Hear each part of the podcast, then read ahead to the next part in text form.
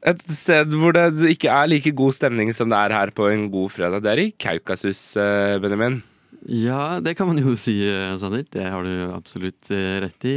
Kaukasus-området er preget av konflikt om dagen. Det er en litt sånn skjør våpenhvile jeg refererer til. Snakker om Armenia og Aserbajdsjan, som har hatt en ganske lang etnisk konflikt. Egentlig helt siden, helt siden oppløsningen av Sovjetunionen. Og det begynner å bli en ganske god stund siden.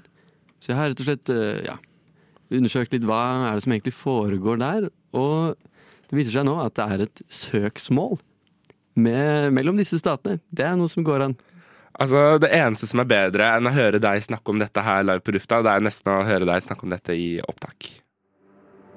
Mandag 7. desember kan den mer enn 30 år lange etniske konflikten i Nagorno-Karabakh få en ny vending. Og hvorfor? Vel, FNs internasjonale domstol i Haag forventes nemlig å avgjøre et søksmål mellom Armenia og Aserbajdsjan.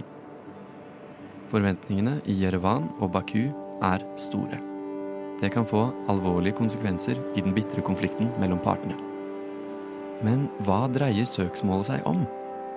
Det viktigste rettsdokumentet her er den internasjonale konvensjonen for eliminering av alle former for rasediskriminering. Dette er en av FNs folkerettslige avtaler som både Armenia og Aserbajdsjan har signert og ratifisert. Det betyr at begge land er bundet av den og skal gjøre sitt beste for å overholde den. Armenia anklager Aserbajdsjan for å utsette armenske folk for omfattende diskriminering, massedrap, tortur og andre former for mishandling. Det vil ikke være første gang i historien. Det er godt dokumentert at det tyrkiske osmanske riket iverksatte en grusom kampanje for å ta livet av et sted mellom 600 000 og 1,5 million sivile armenske folk. Vi befinner oss med andre ord i et ganske røft nabolag. Dette kan bli litt komplisert, så her gjelder det å ha tungen rett i munnen. Midt inni det som er Aserbajdsjans internasjonalt anerkjente grenser, finner vi et sted som heter Nagorno, eller Nagorni-Karabakh. Navnet kommer egentlig fra russisk, da både Armenia og Aserbajdsjan var deler av den større Sovjetunionen. Navnet betyr enkelt og greit det fjellrike Karabakh.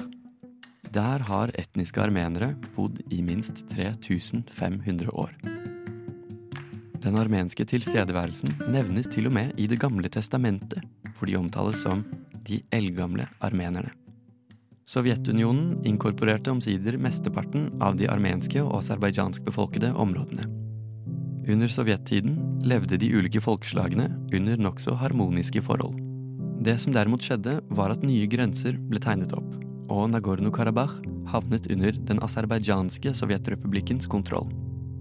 Det hadde i praksis ikke så veldig mye å si, fordi de egentlig bodde i samme land.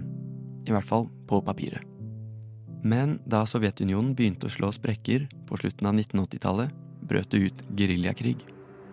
I Nagorno-Karabakh-området erklærte de armenske innbyggerne selvstendighet, under navnet republikken Artsakh. Siden den gang har vi i praksis altså to armenske stater som ikke henger sammen.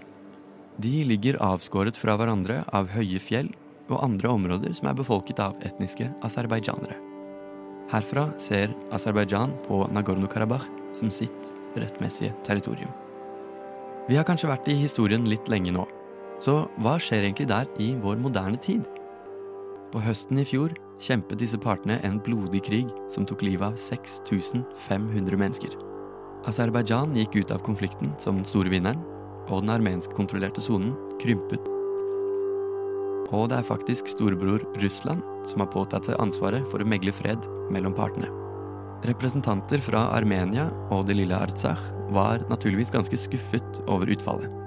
Og Aserbajdsjan, som har ytterligere ambisjoner, de var heller ikke helt fornøyde. Vladimir Putin ledet altså denne fredsavtalen som trådte i kraft november 2020. Så nå har vi omsider kommet til dette søksmålet. Folkerettsjurister og andre nysgjerrige øyne følger nå nøye med på hva som kan skje. Alle avgjørelser i Den internasjonale domstolen er juridisk bindende. Men i et mulig scenario der Aserbajdsjan blir dømt for rasediskriminering, frykter noen at de ikke vil forholde seg til utfallet. Da er det ikke så mye det internasjonale samfunnet kan gjøre. Det er nemlig ikke så lett å varetektsfengsle en hel stat, Og hver gang noe lignende skjer, så svekkes tilliten til internasjonale regler, og stater føler seg mer villige til å ta risikoer og begå store menneskerettighetsbrudd. Mandag den syvende vet vi selvfølgelig litt mer, og vi her i Opplysningen vi kommer til å følge med. Hvis dette har trigget din nysgjerrighet, kan du også selvfølgelig følge med de nærmeste dagene som kommer. Reporter i saken, det var eh, Benjamin Nortemø. Vi i Opplysningen 99,3 kommer til å følge spent med på utviklingen mellom Armenia og Aserbajdsjan.